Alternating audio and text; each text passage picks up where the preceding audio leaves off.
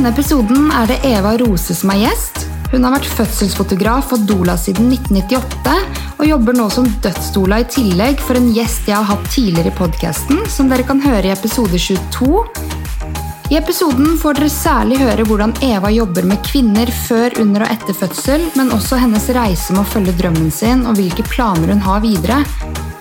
Jeg synes det er så bra at Eva har en plattform hvor hun viser hvordan fødsler og keisersnitt foregår, og at hun gir et tilbud om å følge opp kvinner gjennom alle fire trimesterne, og særlig i barseltiden, for husk dere, det finnes mye mellom lykke og depresjon. Jeg blir skikkelig inspirert av at Eva går sin egen vei, kaster seg ut i nye utfordringer og følger drømmen sin.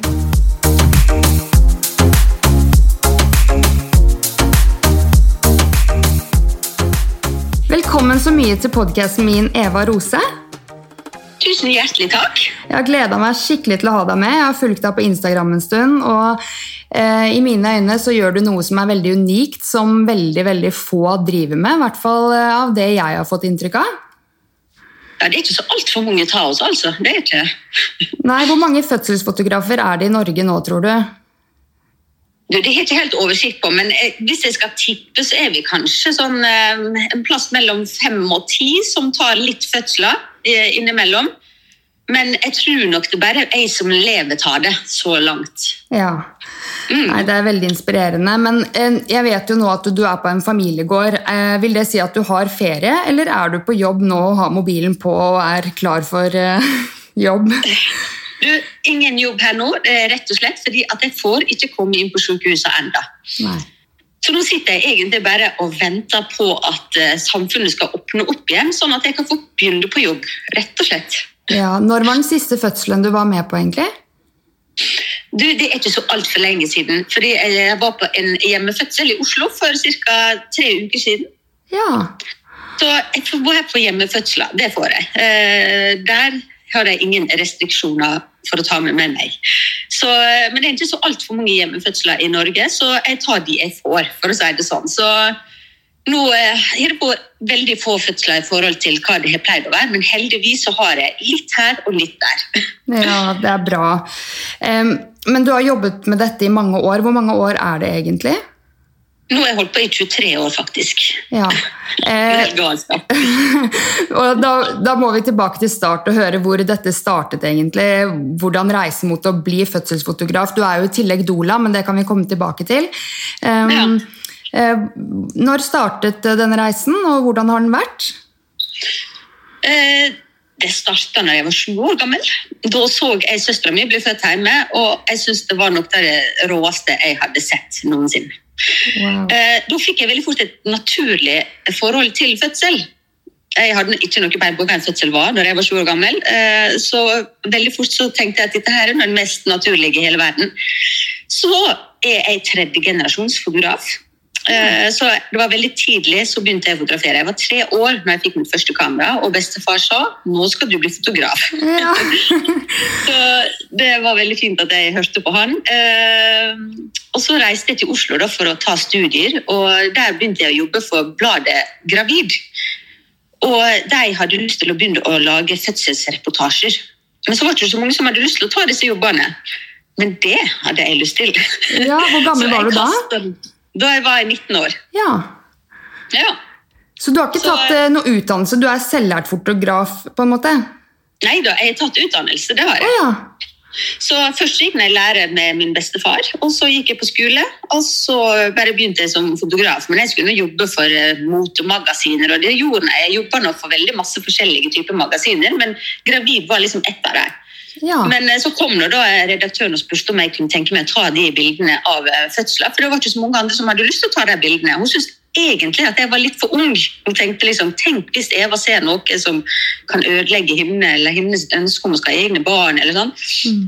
Men eh, så sa hun veldig tidlig at hei, dette her er ingen problem. Jeg så søstera mi bli født da jeg var sju år. Jeg eh, kan tåle hva som helst, så bare vær så snill, ha tillit. Så skal jeg vise at uh, dette her skal gå bra. Og det gjorde det, så Jeg var fast fotograf for det bladet Gravid og tok fødsler i veldig mange år. Før jeg faktisk begynte å ta private eh, kunder. fordi det var liksom ingen som eh, ville booke meg til det. Det var kun gjennom bladet Gravid. Men så plutselig så begynte folk å få øynene opp for disse bildene.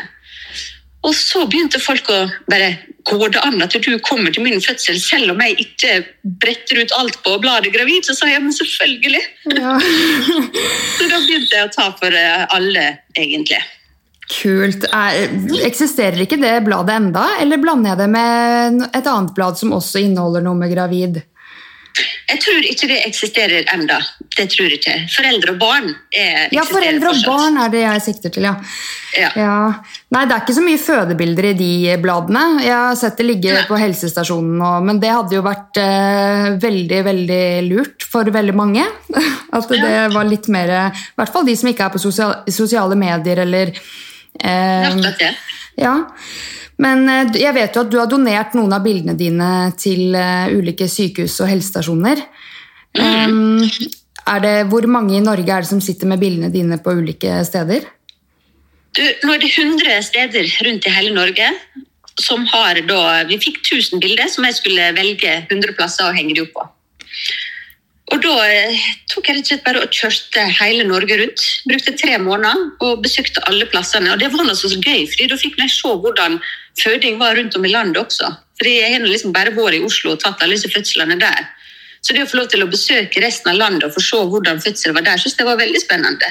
Ja. Og det har liksom gjort at engasjementet mitt har bare blomstra opp mye mer. For jeg har på en måte blitt litt mer enn bare en fødselsfotograf. For jeg har liksom et ønske om å få disse bildene her ut, sånn at mm. flest mulig kan få se. For det har vært veldig sånn at fødsel har vært veldig tabubelagt. og det er noe det verste du skal gjennom som kvinne, og det er ikke måte på. Men det er ikke det jeg ser på jobb. så jeg har lyst til å vise folk hva det er jeg ser på jobb, og det har jeg sett hjelpe mange dager med. For det er veldig mange som er redd for fødsel. Og Det kan jeg forstå. Det er så usikkert og ukjent. og Alle disse historiene som man har fått servert oppover året, har ikke akkurat bare vært positive. Så det er ganske mange som rett og slett er vår redd og bekymra for eh, fødselen sin.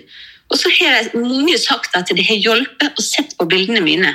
Rett og slett fordi at man får en litt mer sånn Ja, men ok, jeg ser nå at det går. Mm. og, og, da blir de rett og slett motiverte også til å kunne ta et litt større eierskap til fødselen sin. For når man ser at jøss, der kan en dame ligge i badekar og føde ungen sin og ta imot sjøl, og her kan en dame stå på alle fire i senga og ta imot sitt eget barn. og det er liksom sånne type bilder eller filmer som man ikke har sett så mye tar da. Eh, man er nå vant med Hollywood, som har ødelagt alt, og tenker at eh, ja, du skal inn på sykehuset og ligge der og være kobla opp til alle maskinene og hylskrike og banne og ha det helt jævlig. Ja. Men, det, men, det er ikke det jeg ser når jeg er på jobb. Og det er så viktig for meg å prøve å få ut hva det er jeg ser, rett og slett for å trygge damene. Fordi det jeg ser, det er nå bare at damer skal gjennom det vakreste og råeste eventyret i hennes liv. ja, og jeg synes Det er så kult at du deler disse bildene. Jeg, til og med jeg snakker med flere som ikke har barn ennå, eh, og de gruer seg til den dagen de skal føde. Og Jeg er så glad for at jeg, jeg klarte å glede meg. og var sånn, Jeg gleder meg til hvordan det er å føde. og eh, Så skikkelig fram til den dagen jeg skulle føde. Eh, og, men hva merker du forskjell på de kvinnene du møter på de som gleder seg til det, framfor de som faktisk har fødselsangst? De som gleder seg, de har på en måte en litt annen tilnærming eh, når de kommer i fødsel. Eh, de, har, de kan f.eks. utnytte seg godt av oksytocin og være rolige og åpne i kroppen istedenfor Er du full i angst, så, så, setter det seg i hver fiber i kroppen, og du strammer det til, og du eh, blokker oksytocin, og du øker adrenalin og Alle disse hormonene skal nå bare hjelpe oss i fødsel. Og mm. er det en ting jeg ser, så er det det at hvis du klarer å være rolig, avbalansert, avslappa i kroppen, så er det så mye enklere å føde. Jeg ser at den babyen kommer så fortere ned og ut, Mm. istedenfor de som ligger der og spenner alle musklene i kroppen og sitter bare og venter på den neste ria, og den kommer til å være enda verre enn den forrige. Istedenfor de som tenker at oi, nå er jeg ferdig med én riv, nå er det ett steg nærmere til å møte babyen min. Så det er liksom mye mentalt. Mm. Det er selvfølgelig mye fysisk her også.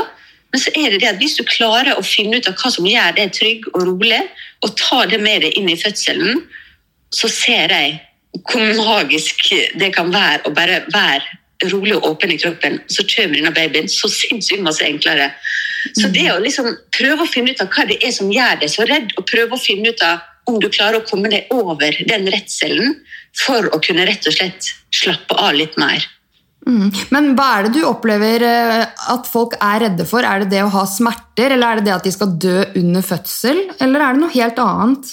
Det er veldig sjelden jeg hører folk eh, redd for å dø, faktisk. Jeg er mer redd for det ukjente. Det å ikke ha kontroll. Vi er nå veldig glad i å ha kontroll. Eh, og det å miste kontroll og eh, det å Selvfølgelig smerten. Det er nå veldig mange som er redd for smerte, så det er veldig mange som er redd for å revne. Akkurat denne her kroninga. Men da er det ganske gøy å kunne si det at i de absolutt aller fleste tilfeller av fødsel som jeg har vært med på, når du kommer til det punktet at dama kan få lov til å begynne å presse og man nærmer seg kroning, så er det en relief for dama. Du ligger der bare i så mange timer ofte og venter på at kroppen skal åpne seg mer og mer og baby skal få komme ut, men du må bare ligge der og være passiv og prøve å avslappe deg sjøl og alt dette her. Men så fort du får lov til å begynne å jobbe fysisk og begynne å presse, så får du lov til å ta mer del i fødselen, og så får du lov til å jobbe mot smerten. Og da ser jeg det at det er veldig mange som ikke er så opphengt i denne smerten lenger. Fordi da er de liksom så nærme mål. De skjønner sjøl at hei, snart så har jeg den babyen i armene mine. Så nei, jeg ser helt i det. Ja, eh, Men tilbake til når søstera di ble født. Um, Ja, eh, husker du hvordan moren din uh, var under fødsel da? Helt rolig. Hun, hun nesten lo. Jeg har bilde av henne når babyen er akkurat når Sara er akkurat født. Så ligger hun bare med det største smilet. Og Da sitter jeg og Benjamin, min bror, i senga og ser på dette her, begge to, og alle bare smiler og ler. For det var liksom aldri noe skummelt.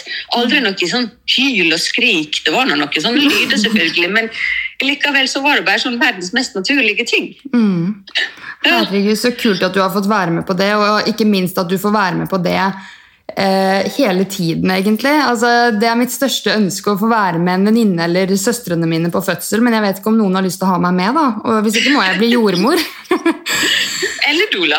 Ja, eller doula. Det er sant. Jeg har faktisk googlet litt doula, fordi er, det er litt ukjent yrke for meg, men jeg elsker alt som er litt ukjent, og bare lese meg opp på hva er det dette inneholder og eh, innebærer å være doula, eller andre yrker som eh, virker spennende. Og jeg er jo veldig glad i kommunikasjon og relasjoner og snakke med mennesker, og, eh, så jeg tenkte jo med en gang Herregud, dette virker skikkelig spennende. Kan ikke du fortelle hva en doula er, og hva det innebærer å være en doula?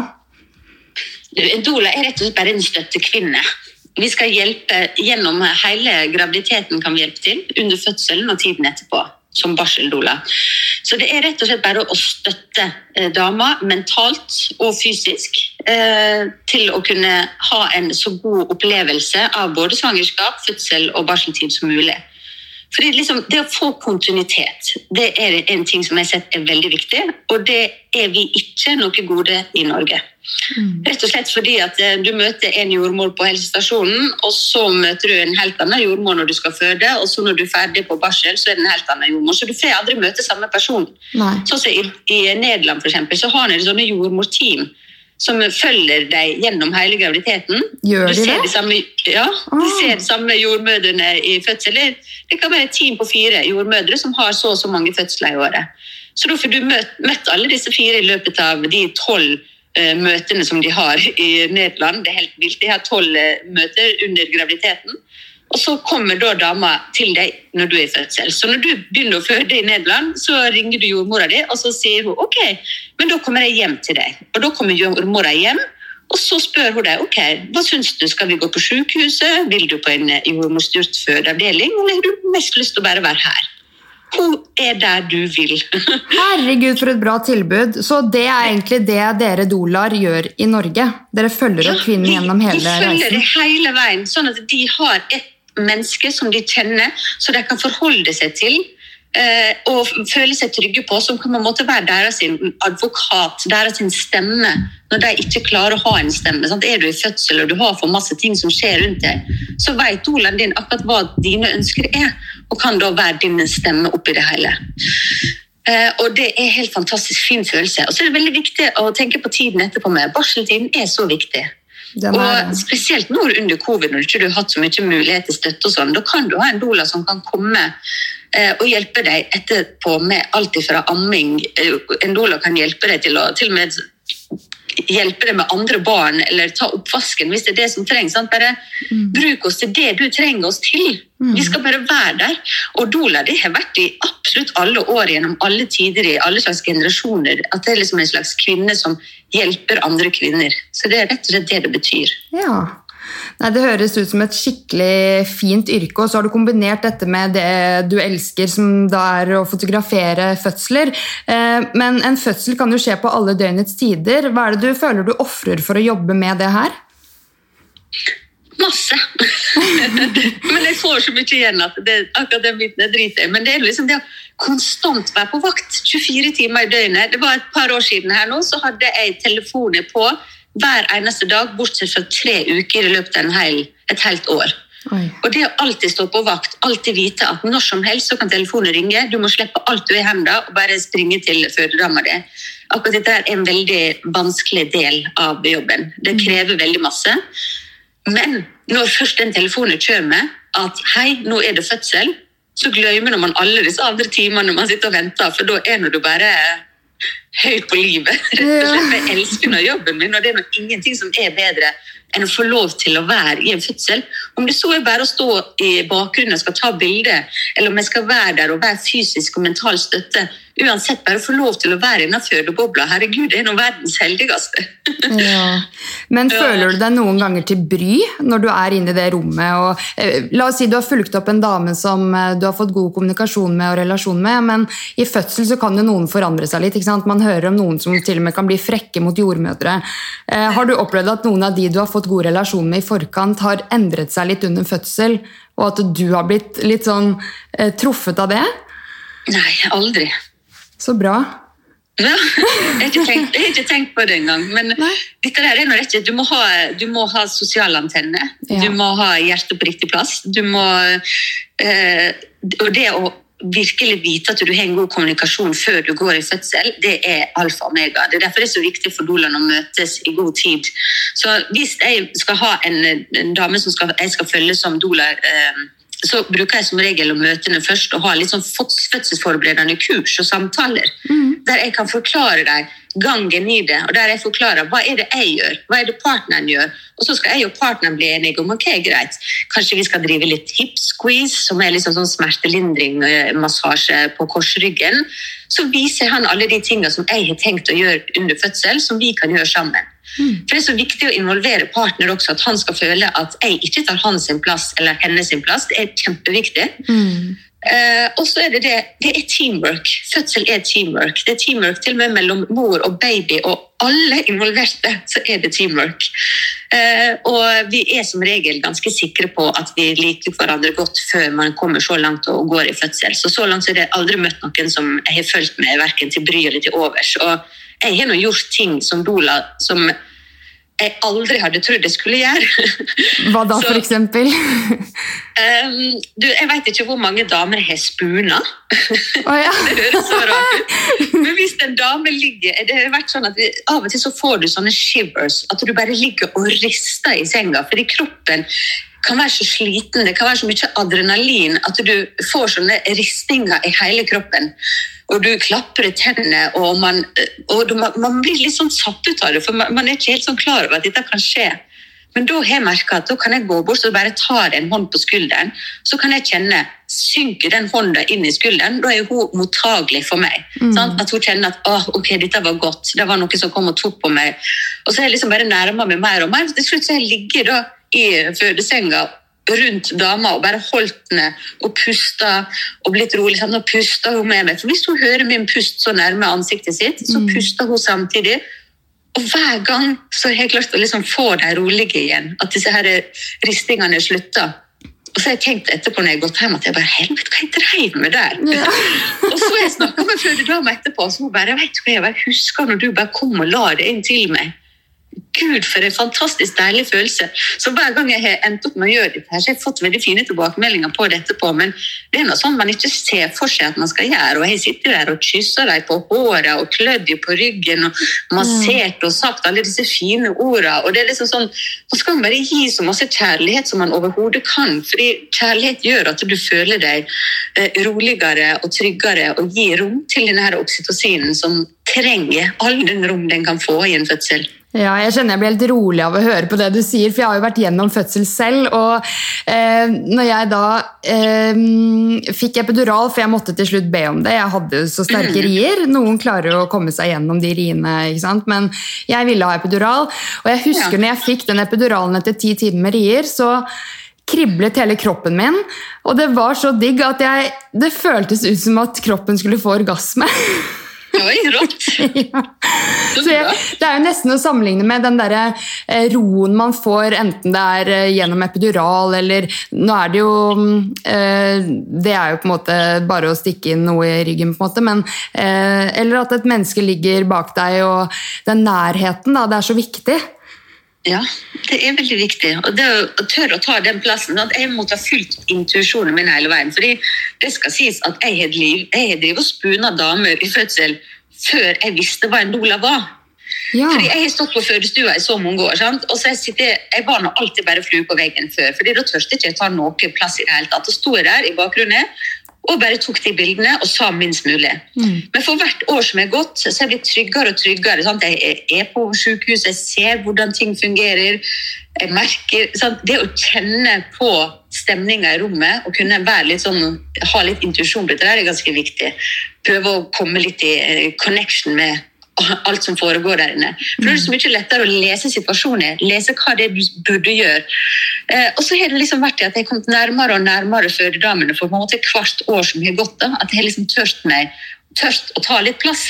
Så nå er jeg veldig sånn uredd. Nå kan jeg eh, gå rett bort til en fødedame, men det å bare kjenne etter Du kan holde på et menneske, og så kan du kjenne rett og slett Stritter hun imot, så mm. skal den handa sakte bort, og så skal du trekke det litt unna går den handa, og du kjenner at du liksom, det blir sånn mykt og godt, og at du bare kjenner at dette her var er velkomment, så er det mye lettere å bare ta den spacen. Mm. Så jeg har rett og slett bare fulgt eh, magefølelsen min og intuisjonen min, og hver gang så har det gått bra. Så jeg har bare tenkt at uh, da må jeg gjøre noe riktig. ja, absolutt. Jeg hører jo med en gang at uh, dette her kan du, og dette her sitter inni deg, liksom. Men, uh, um, og det er jo en ren smertelindring også, sikkert, for de du har vært med, å ha deg i rommet. For det å føle trygghet og Ja, det er det. Um, for det å føle nærhet og trygghet og um, ja, at man blir sett og hørt og kjærlighet og alt det der, det er jo med på å minske smerter. Så jeg er sikker på at uh, du er ren smertelindring for de damene du har vært med på fødselen til. Det gleder jeg. Ja. Jeg prøver i hvert fall mitt aller beste, og av og til så går det veldig bra. Ja. Når de ønsker det. ja. Eh, men du har jo per dags dato 139 000 følgere på Instagram. Og bildene du deler, er jo intime, men det er jo det råeste og mest naturlige på jord. Eh, og så er jo Instagram vanligvis veldig strenge med sant, alt fra jentenippel til eh, ingenting. Hvordan har den prosessen vært for å kunne få lov å dele bildene? Du, jeg har blitt eh, kasta ut av Facebook og Instagram så mange ganger at jeg har ikke tall på det. Men jeg ga ikke meg. Jeg, ville vise de bildene her, så det ble det til at jeg prøvde å skulle liksom sensurere litt til slutt. Men eh, så ble jeg kasta ut eh, nesten permanent, hvis vi ville si. Det var vanskelig å komme seg inn igjen. og dette var samtidig som det var en kampanje som heter Stop Censoring Motherhood. Som gikk rundt i hele verden, som jeg også tok del i. At vi drev og skrev på alle bildene vi delte, alt som hadde fødsel. Stop Censoring Motherhood. Ja. Og til slutt så gikk dette her gjennom. Disse her damene som starta den kampanjen i USA, fikk medhør. De sa det ok. Instagram og Facebook sa det er greit. Dette her anser vi som education. Eh, så fødselsbildet skal være lov. Og så var jeg så lur, jeg, ble, ble jeg så glad med en gang at jeg gikk nå rett på Instagram og så eh, delte et sånt kroningsbilde som vanligvis aldri har fått lov. Mm. Eh, men så ble jeg kasta ut enda en gang, selv etter regelen hadde kommet. At hei, det er lov med fødselsbilde, men så er det en robot som sitter og tar vekk alle de som ikke er lov. Sånn, så det er en sånn tricky greie. Men uansett, da kom jeg til meg inn igjen. Så da tok jeg kontakt med hun Eines i eh, Stop Censoring Motherhood og bare sa at nå jeg kommer ikke meg inn igjen. Og Da tok hun kontakt med Instagram for meg og ga meg et spesialløyve så nå er min Instagram eh, åpen for meg til å kunne poste absolutt hva jeg vil. Det er ingenting som blir sensurert. Og det er veldig få som har den muligheten rundt om i verden. Jeg synes det er veldig synd, fordi alle som driver med fødsel, skulle hatt den muligheten. Men fordi det er masse sånne roboter som sitter og tar vekk disse bildene, så selv om det er, noe, det er lettere å dele fødselsbilder nå enn før, så er det fortsatt sånn at veldig mange bilder blir tatt vekk. Mm. Men uh, heldigvis ingen tar mine. Det er men, veldig bra, sagt, jeg skulle ønske at alle kunne ha det sånn. Ja, og Verden er jo i endring, så dette kommer jo til å sikkert slakke litt opp med årene. Og så er det jo bra at de har løsnet litt på det, men eh, ja. det er jo tid for at de forstår at eh, dette her er et behov der ute. Dere kan bekrefte at dette her har trygget så mange gravide kvinner å se bildene eh, ikke sant? og alt det som følger med. Så ja. De som sitter på toppen der, jeg vet ikke hvem det er, men de, de må bare henge, henge, litt med i eh, at vi lever i 2021 og ja. ja, nettopp. Mm. Men du startet jo med dette lenge før sosiale medier. Eh, når er det gjennombruddet var for din del?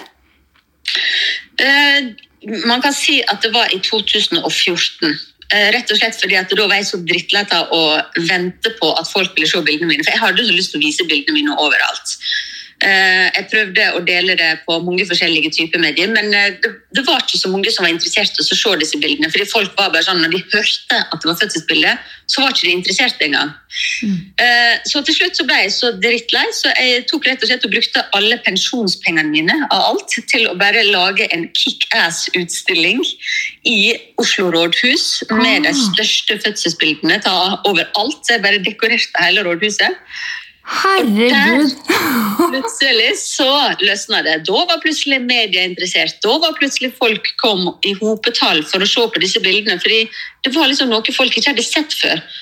Dette her med at vi driver og føder i vann, og vi kan stå på alle fire, alle disse rare fødselsstillingene. Folk var bare sånn Ja, men i alle dager, er det sånn en fødsel kan være? Mm.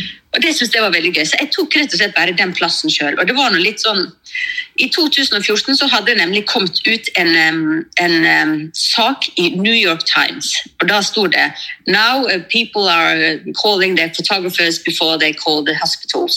Fordi det hadde blitt en trend der borte. Og da tenkte jeg at ok, greit, nå er dere våkne. fordi det var da aldri snakk om fødselsfotografering for 23 år siden i USA heller. Sant? Men plutselig så var det liksom åpent for at dette her var vanlig i USA. Og da ble det litt mer sånn å ja, men da kan det bli vanlig her i Norge med sånt. For de er nå litt sånn treige av og til i Norge.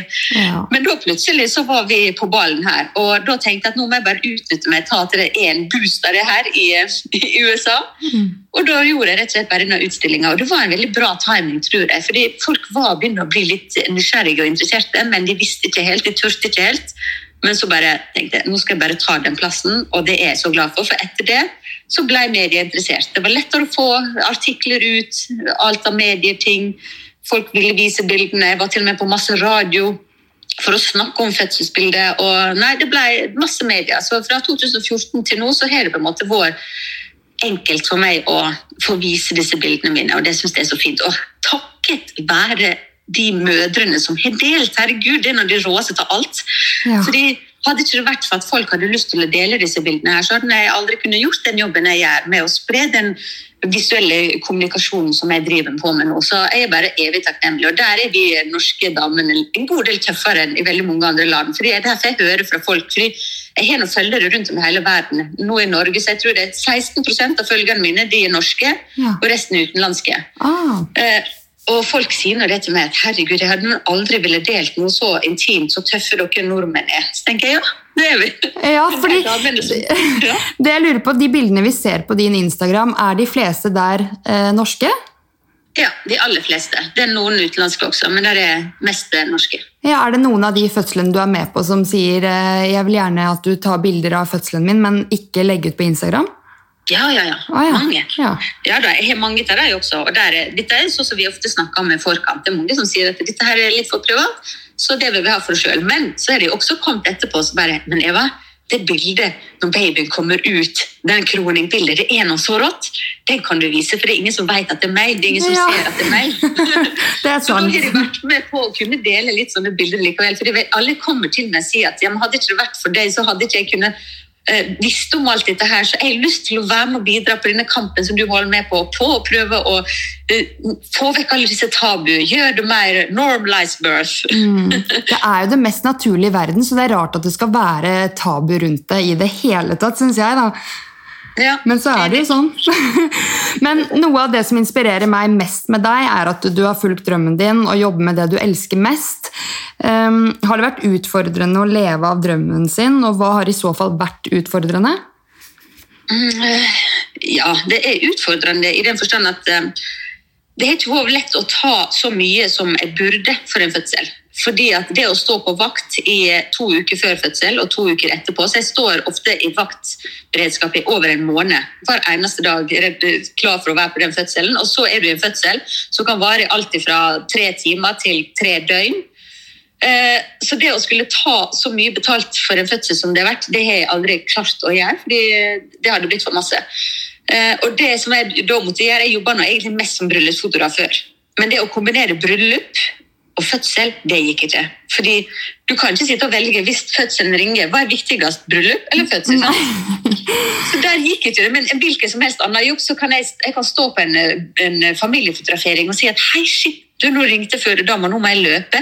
Er det greit at vi eh, fortsetter shooten eh, en annen dag? Og da gir jeg som regel en eh, økonomisk kompensasjon eller et eller annet sånt, hvis de må avbryte en fotografering. Men alle har forståelse. Men selvfølgelig, Eva, en fødsel er noe mye viktigere enn denne shooten her. Gå, gå! Sånn. Ja. Så, så liksom, Det er vært vanskelig å kombinere det med livet og med andre typer jobber, men likevel så har dette her vært så stor lidenskap og en så stor del av livet mitt at jeg har bare ikke gitt meg, så jeg har bare kjørt på. Mm. Det er sånn sunnmørsgen i oss. Vi, vi gir oss aldri. Så det, ja. Men så det økonomiske, da, det er det som har vært mest Ja. utfordrende ved å følge drømmen Ja. sin? Mm. Ja, for jeg, nå har jeg solgt leiligheten min, jeg har brukt alle pensjonspengene mine, jeg har ingen sparepenger igjen. Jeg har liksom brukt opp alt sikkerhetsnettet mitt. Men så bor jeg nå i en bil, rett og slett for at jeg skulle reise verden rundt for å lage en dokumentarserie som heter Birth Round the World. Og da prøvde jeg å søke masse penger og fond først, fikk ingenting. Så til slutt så ble jeg så lei av å vente at jeg sa det greit.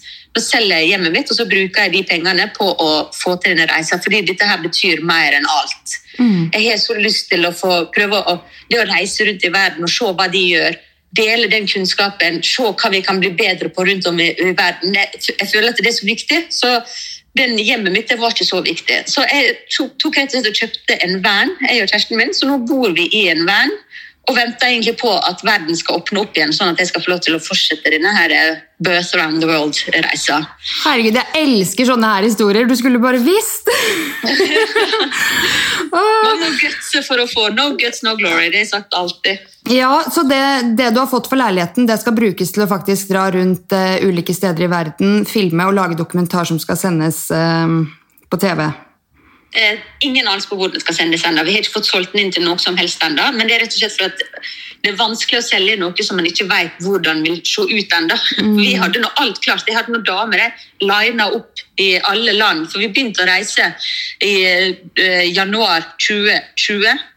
Og da hadde vi vært i Etiopia, og så reiste vi til England, og så reiste vi til USA. Så jeg hadde nå masse spennende fødsler, og så plutselig så kom covid, og så ble vi sendt hjem.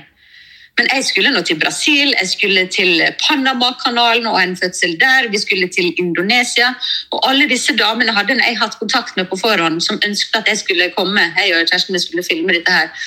Eh, så De ble nokså kjempeskuffa. for plutselig så satt jeg og Ole Jakob på et fly på vei tilbake igjen til Norge etter seks uker på tur, og vi skulle være borte i 52 uker. Åh.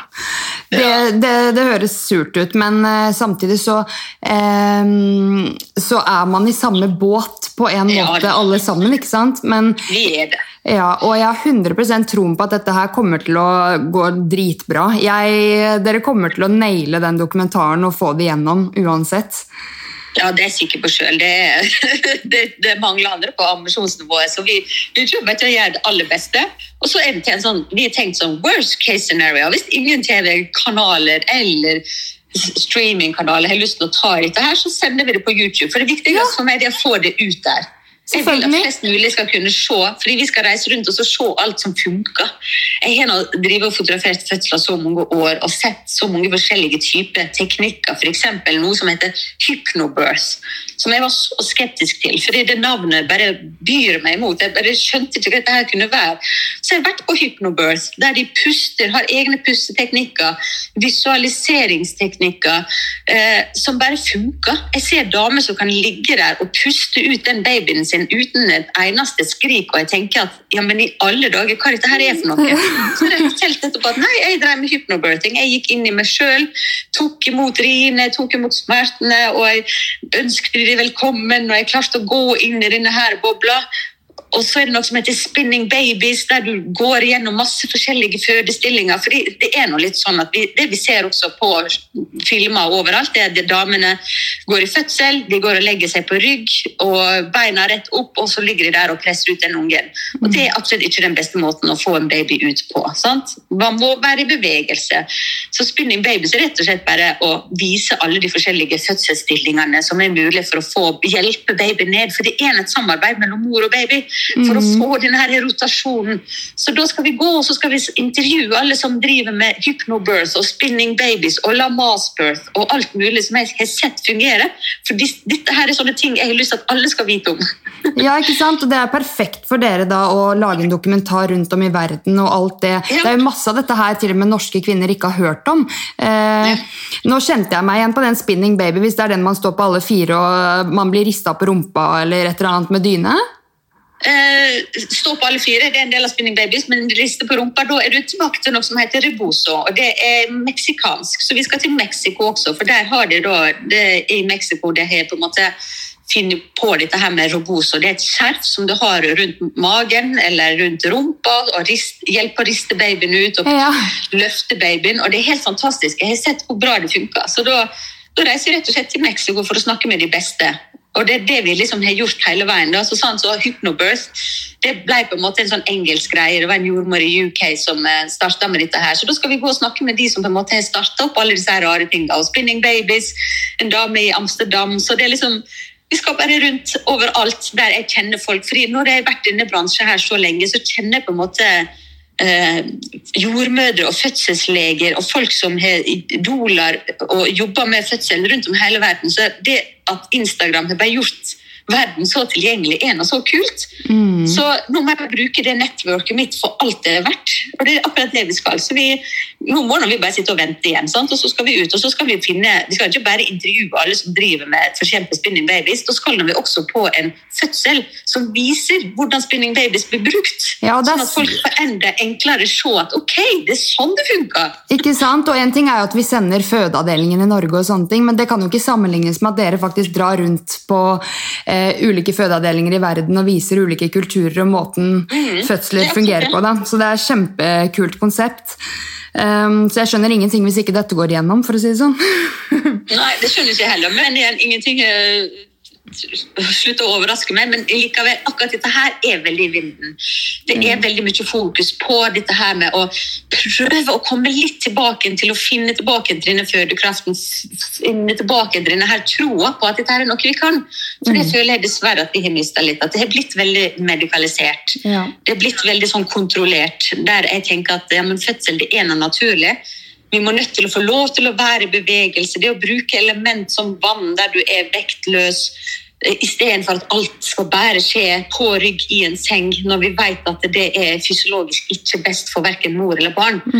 Så nei, Vi må nødt til å prøve- å åpne opp synet vårt litt. Og så er det det at når folk ser eksempel alle de rare fødestillingene så kan de når de kommer i fødsel og ser selv at ja, men ok, nå har vi ligget her på rygg i mange timer, det går nå faen fremover. Ja, men ok, Kanskje vi skal prøve noen av disse rare tingene. Ja. Så folk kunne sitte og sagt til meg at de har vært inn på min Instagram og scrolla rundt og bare ok, nå prøver vi den forestillinga, og så mm. prøver vi den forestillinga. Så jeg syns det er så kult at folk kan bruke Instagrammen min ja, og du foreviger jo det kuleste man er gjennom i livet. Jeg bare kom på at eh, jordmoren under min fødsel var sånn 'Å, nå var dere så fine, kan jeg ta et bilde av dere?' Og det er et av de fineste bildene jeg har med samboeren min. Det er når jeg står på alle fire, og han rister på rumpa mi, og jeg ser kjempesliten ut, mens han ser lykkelig og fornøyd ut. Um, ja. Og um, dette ville hun jordmoren forevige, da, og jeg har mange ganger tenkt sånn 'Å, det hadde vært kult å legge ut dette', egentlig, fordi det er det fineste bildet jeg har, men så ser man jo ikke sant uh, ting og tang. Mens uh, det er jo dette du driver med, og foreviger sånne fine øyeblikk. For jeg elsker det bildet selv. Legg det ut! Skriv en fantastisk historie til det. Få ut! Vi må få mer sånne positive fødselshistorier og alt ut der. Så sånn må ut. Ja, og jeg, jeg, hadde ikke vært noe redd for å legge det ut hvis ikke det var for at uh, dette blir fjernet med en gang. eller, å herregud, Men uh, nei, det det er litt vanskelig, det der, men jeg synes det er kult at du har fått det igjennom. hvert fall, eh, siden du jobber med dette her også, ja. Men har du noen tips til folk som har passion for noe, men som trenger et siste dytt i rumpa for å tørre å følge drømmen sin? Ah, livet er for kort. Vi er norske. Vi er født med gullbillett i ræva. Vi, vi, vi, må tørre å ta sjanser, for vi har, muligheter. Så eh, jeg syns det at det er bare å gå all in. Er det noe du brenner for, så er det tenk no guts, no glory. Um, vi må litt tilbake til eh, doula-yrket ditt også. Um, for du har jo vært vitne til mange fødsler og hatt mange samtaler med kvinner før, under og etter fødsler. Um, først vil jeg bare høre om det er noen hjertesaker du har fått, eller noe du har engasjert deg ekstra, ekstra i, da, som du ønsker å bruke stemmen din til når det gjelder svangerskapsomsorgen? Nei, der er det rett og slett bare at jeg, jeg ønsker at flere eh, rett og slett uh, forbereder seg. Det er så viktig å forberede seg. Det er så ofte jeg møter damer eh, som sier rett ut at nei, Hvorfor skal, jeg, hvorfor skal jeg gidde å forberede meg når alt kan skje? Og Den setninga har jeg hørt i så mange år, og jeg blir så vondt i hjertet mitt når jeg hører det. For jeg ser hvor mye bedre en fødselsopplevelse kan bli for de som har forberedt seg, lest litt, sett på filmer, Eh, prøvd å gå litt inn i materien for å prøve å finne ut av hva er det som gjør meg trygg. For uansett, kanskje du ser for deg at jeg har lyst til å føde på alle fire i et badekar med stearinlys rundt meg, men så ender du opp med å kanskje måtte gå på en vanlig avdeling og ligge på rygg med beina i beinholdere. Men likevel, hvis du har kunnskap nok til å vite hvordan en fødsel kan være, og at av og til så må det her til, så kan du etterpå likevel føle deg som verdens råeste og tøffeste dame, og føle at du virkelig har gjort alt du kunne for å få en best mulig fødselsopplevelse. Og denne følelsen man sitter igjen med etterpå, den er så forbanna viktig for den barseltiden som er så sårbar. Og det å liksom kunne sitte igjen med en sånn mestringsfølelse, det er viktig. Og den kan du få uansett hvordan fødselen ender. Om du så ender opp i keisersnitt, så lenge du på en måte vet at ok, jeg har tatt den forberedelsen som skulle til, jeg har gjort det som jeg trodde var best for meg, så sitter du igjen med en annen følelse etterpå. Og det hører jeg konstant. Så jeg mm. ser hvor viktig det er. Så bare forbered dere. Se på bilder, se på filmer. Det finnes så masse bøker der ute nå, og så mange podkaster, og så masse alt. Mm. Så bare sluk det. Og så da, fordi når det skjer ting i fødselen som kanskje kan være litt skummel, så plutselig så går det opp et lys for deg. Ja, men dette her har jeg hørt om. Dette her trenger ikke å være noe farlig. Og så er det det å være, liksom, være litt tøff og tørre å spørre. Hvis det er noe som skjer på sykehuset som du ikke forstår, som kanskje gjør deg redd, så må du åpne opp munnen din, og du må få ut de spørsmålene. Hvorfor gjør dere dette her? Hvorfor må vi gjøre det her? Fins det noen andre muligheter enn en kan vi gjøre noe annet istedenfor?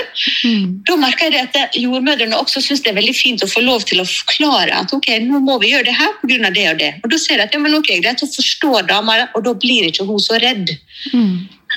Da, nei, uh, mer åpenhet, les mer forberede seg. fordi det er det absolutt største man skal gjennom i livet. Og du kan ende opp til å få den mest empowering feeling i hele verden. Der du føler deg som den råeste dame. alle tiden står stille rundt deg. For du bare tenker at herregud! Det jeg har vært gjennom nå, det er helt insane. Det er sjukt å tenke på at verden går videre rundt meg, for det Ja. er så stort. Jeg skjønner er så igjen. Ja, og så er det de damene som bare er er så traumatiserte at de klarer ikke å ta vare på seg sjøl eller ungen etterpå. Så å, Du skal ikke kimse av en fødsel. Det er noe av det viktigste du skal gjennom. Så vær snill, bare les det opp.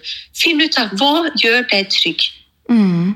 Eh, og da vil jeg også høre med deg eh, hva, er, hva er det du ofte møter av følelser eh, etter fødsel hos de du følger opp etter fødsel? Der er, der er det masse. Eh, og det er En av de viktigste tingene som en doula, det er disse samtalene etterpå. Fordi Jeg har nå vært der gjennom først graviditeten og får høre litt hva er det hun ser for seg at fødselen skal bli. Og Så planlegger man, og så gjør man ting sammen. Og så ser man under fødsel at ok, det og det og det skjedde, det og det skjedde. Og jeg er nå der og tar bilde av alt og ser alt. Men av og til så er du så langt inn i din egen fødeboble at du får ikke det med deg. Du glemmer det. Og det å kunne få lov til å sitte der med en person etterpå som har vært der og til deg dokumentert alt For det er veldig mange damer som ikke eh, føler seg sterke eller flinke etter fødsel. Som kan si at ja, men jeg var, følte ikke at jeg var flink nok, jeg følte at jeg skreik for masse, jeg følte at jeg var svak, jeg følte at jeg ikke gjorde alt jeg skulle. Og så kan jeg vise denne dama alle de bildene. Og så kan jeg vise henne hvor fantastisk rå hun var. Og det er så ofte jeg får den tilbakemeldinga da at å herregud, ja, dette hadde jeg helt glemt. Ja, shit, se, der var jeg flink. Eller så får de en sånn boost etterpå. Ta bare se at ja, men herregud, jeg var nå helt rå. Greit, da skal jeg ta det med meg. Jeg gjorde mitt beste for meg og barnet mitt. Selv om det kanskje ikke ble helt sånn som jeg hadde ønska, så var jeg likevel, så har du den mestringsfølelsen. Ja, Det er deilig å få lov til å snakke ut om etter fødsel, for man har så mange tanker. Du, du har sikkert merka det sjøl når du var ferdig med fødselen, at man hadde så mye ting man lurte på. Hvorfor skjedde det? Hva, hva var det som skjedde da? Og sånn. Ja, kunne få lov til å snakke gjennom det. Og jeg syns det er så fint at uh, du og ditt uh, yrke som doula uh, gir dette tilbudet. fordi jeg, dette er en hjertesak for meg. Da, at eh, Det å få prate ut etter fødsel Man har jo selvfølgelig en samboer, men det er så mye mellom det å være lykkelig og det å være deprimert. Eh, Du er ikke enten lykkelig etter du har fått barn eller deprimert. Det kan være en variasjon, eller det kan være alt det som er imellom der også. Og um, jeg ville egentlig høre med deg, fordi eh, det er noe jeg ikke har vært så åpen om med mine nærmeste. Og noen ganger har jeg følt at det er unormalt, men eh, så tenker jeg, og så tar jeg meg selv i å tenke at dette her kan ikke være jeg som er den eneste ver i verden som tenker dette her. Men jeg hadde en forventning om at verden skulle bli et lysere sted når jeg ble mamma.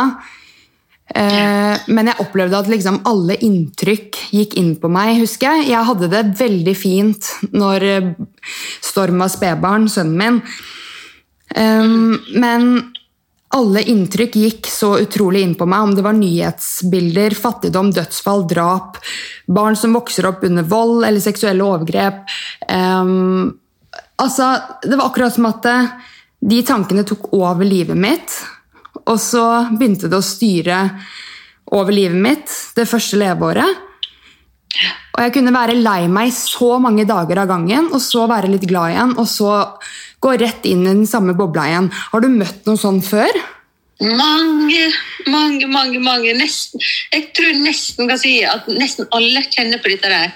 Fordi at du har så mye hormoner, og du har dette her nye mennesket som skal leve videre i denne verden. Så det beste du kan gjøre som nybakt mor, skru av nyheter. Skru av alt som har med tragiske ting å gjøre. Du skal kun ha påfyll. Ta alt som er godt. Fordi at Hvis du har det godt inni deg, så får nå babyen det godt rundt. Sant? Hele familien blir påvirka. Jeg husker nå selv min stemor Gudrun. jeg husker at Hun var helt fortvila når hun fikk eh, Frida, eh, halvsøsteren min. Fordi hun, når hun satt og så på nyheter, hun satt alltid og gråt. Hun var så fortvila. Det minste lille ting som kunne, så syntes hun at det, det var helt grusomt. Så hun måtte bare slutte å se på det. Og Jeg husker det så godt når jeg var ung, liksom, at hun satt der og gråt. og alle disse hormonene. Jeg kunne ikke begripe at jeg tenkte ja, men dette her ser vi hele tiden, det er ikke noe nytt. Men dette her går så mye mer inn på deg, for du har ikke kontroll på alle disse hormonene som er i kroppen din, verken før, under eller etter fødsel. Det er for masse. Så man må skåne seg sjøl. Man må prøve å tenke at dette her Det eksisterer ikke. Behold den babybobla for alt det er verdt. Sett heller på en jævla tegnefilm hvis du sånt. Ja, og jeg er så glad du sier det, fordi jeg, jeg, jeg følte meg helt rådvill i den perioden. Bare sånn, Hvordan skal jeg klare å kjenne på denne lykkefølelsen hele tiden? For selvfølgelig var lykkefølelsen der, men den forsvant så fort. Fordi jeg satt, jeg hadde jo mammaperm, ikke sant? satt og så på nyheter, eh, dokumentarer, eh, alt som jeg egentlig kanskje ikke burde se på. Og så, og så bare snudde dagen min helt, og jeg kunne være så dypt trist over hele situasjonen, og at jeg har ført et barn inn til denne verden. Så det er egentlig alle kjenner på dette her. Alle, timer. Ja. Nei, jeg, øh, nei, det var godt å lette litt på hjertet. Jeg øh, Man trenger det. Ja, og jeg har følt liksom at eh, jeg har frontet det å være mamma på en litt sånn der, å, det er så tøft og vanskelig, og eh, at det er ikke det som har vært målet mitt med å være åpen om morsrollen i noen episoder, eksempel. Men, for det handler jo ikke om han som baby, det handler om at jeg syns det har vært så tøft å, å deale med alt annet i verden rundt det at han har kommet til verden, hvis du skjønner. Ja, men jeg skjønner det. Så nei, Men det er et godt tips til alle mødre. Hvis dere er like sensitive som meg, det er man ofte etter en fødsel, så hold dere unna tragiske nyheter og nyt babybobla. Nemlig. Mm. Den fineste tiden, og da må man på en måte prøve å hedre den litt. Og triste ting, det, det trenger ikke vi da. Sett på en tegnefilm, en eh, chick flick, et eller annet. Det, vi trenger ikke å, å få all den eh, elendigheten inn da. Da skal man bare booste oksytocinen og øke melkeproduksjonen og bare ha det fint sammen. Selv om det er tøft og det kommer til å være vanskelig, og alt, så kan du på en måte hindre deg sjøl til å liksom, ja, ikke måtte gå på disse smellene da, med å få det så tøft med å tenke på at verden er et uh, mørkt sted. Men man, for det det som er greia, at ja, det er så mye drit som skjer rundt oss, men likevel, pga. mediet, så vises alt.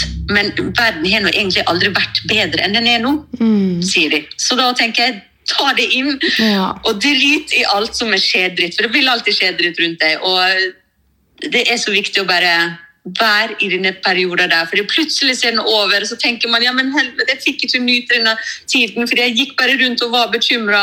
Mm. Vi er så altfor mye bekymra hele tiden. Vi må prøve å legge det fra oss. Mm.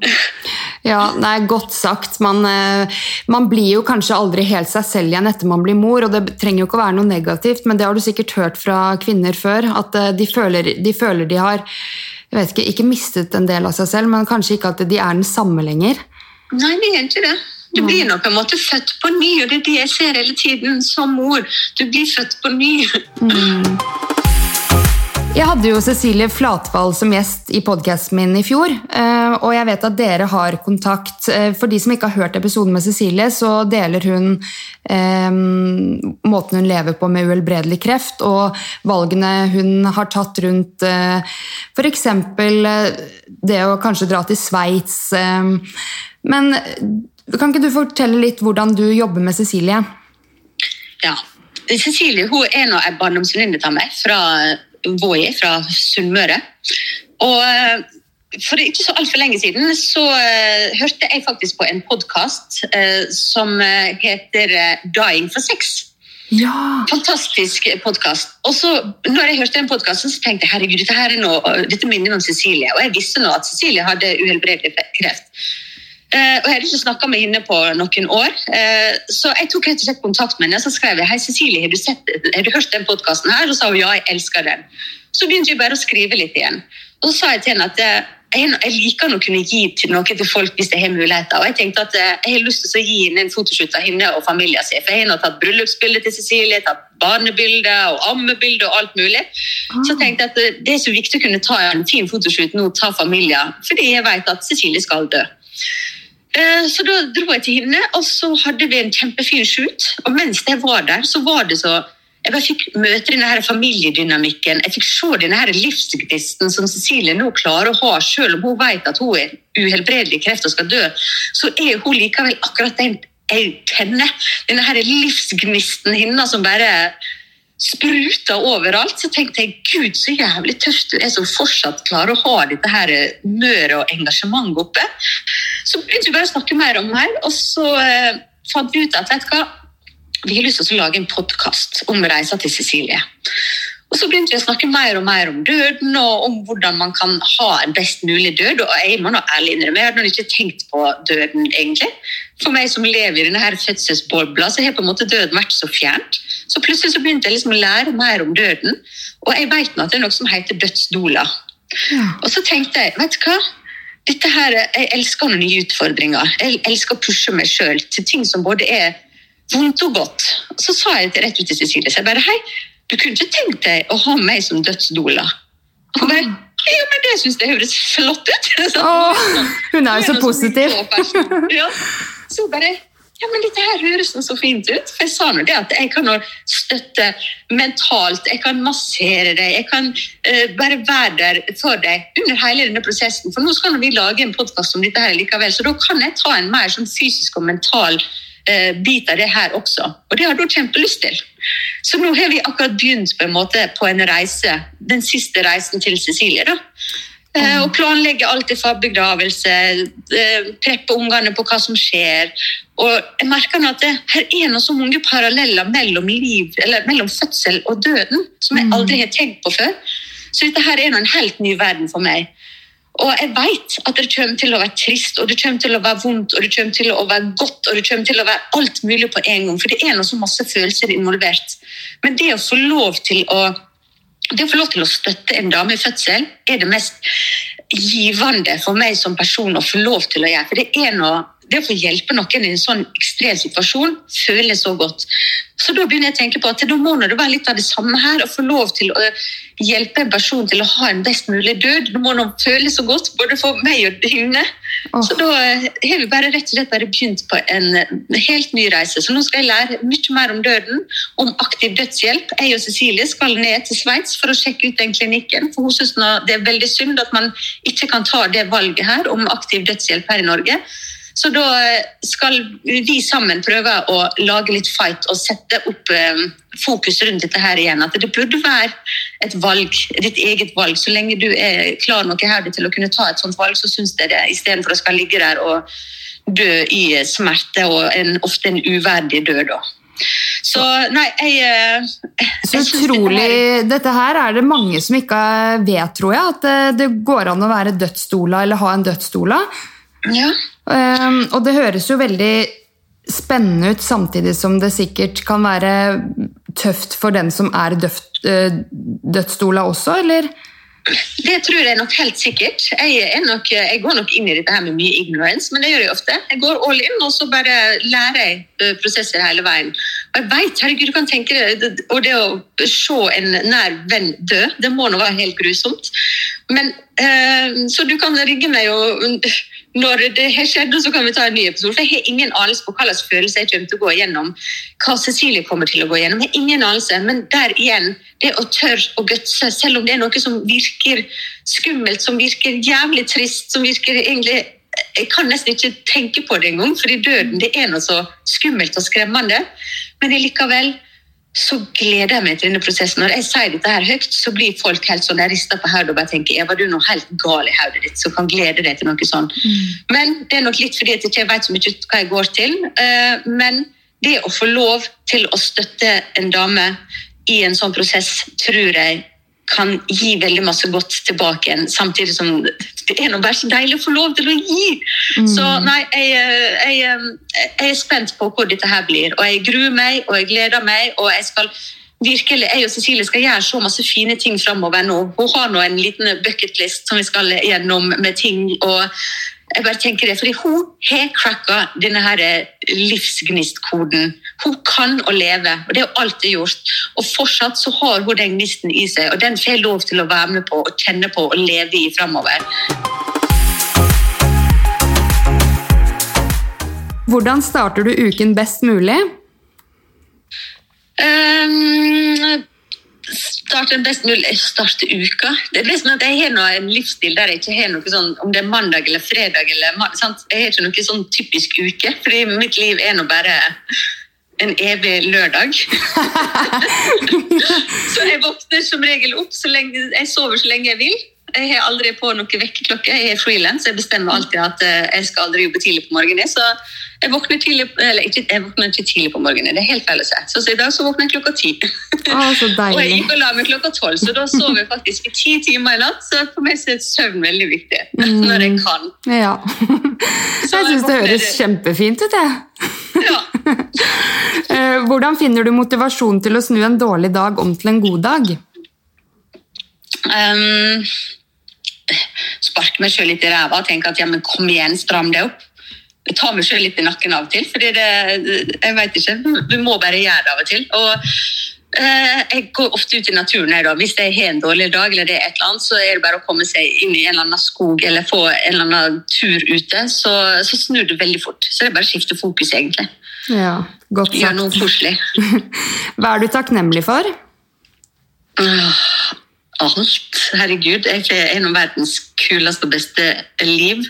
Jeg bor i en bil sammen med verdens kuleste mann. Jeg har en av verdens, virkelig verdens fineste mann. Han heter Ole Jakob. Og jeg vet ikke, jeg tror kanskje jeg er mest takknemlig for han av alt i hele verden. egentlig, når jeg tenker om. Ja, hyggelig. Kan jeg spørre hvor lenge dere har vært sammen? Fire år. Ja, Vi skulle egentlig gifte oss i fjor, og så skulle vi egentlig gifte oss i år, og nå blir det neste år. Da har dere masse å glede dere til. Ja, det har vi. Både dokumentar og giftermål. Ja. Hva inspirerer deg? Um, hva inspirerer meg? Folk som tør å gutse. Rett og slett, Jeg ser så mange rundt meg. Jeg, jeg vet ikke, jeg har veldig mange gutsete folk rundt meg. Det tror jeg hjelper litt på meg sjøl med. At vi bare kjører på. Ikke er så mye, ikke så redde. Vi skal ikke være så redde. Man, eh, vi ødelegger så masse tid rundt oss med å være så bekymra og redde for ting. De fleste tingene vi er så uh, bekymra for, det skjer ikke likevel. Så det er liksom bare guts. Jeg liker folk som bare gutser. For da blir ting gjort. Get shit done. Ja, jeg er så enig, og du er jo en av de personene som gutser, så du inspirerer meg veldig. Det er hyggelig å høre. Ja. Du, tusen takk for at du gjestet Inspirasjonspodden. Jeg gleder meg til å følge reisen din videre. Takk for at du inviterte meg, Tina.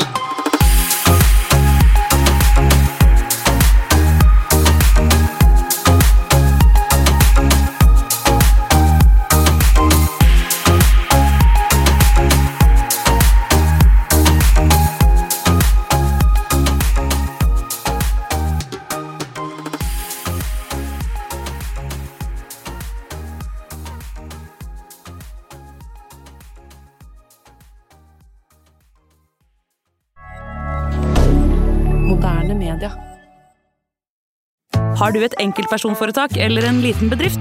Da er du sikkert lei av å høre meg snakke om hvor enkelt det er med kvitteringer og bilag i fiken, så vi eh, gir oss her, vi. Fordi vi liker enkelt. Fiken superenkelt regnskap.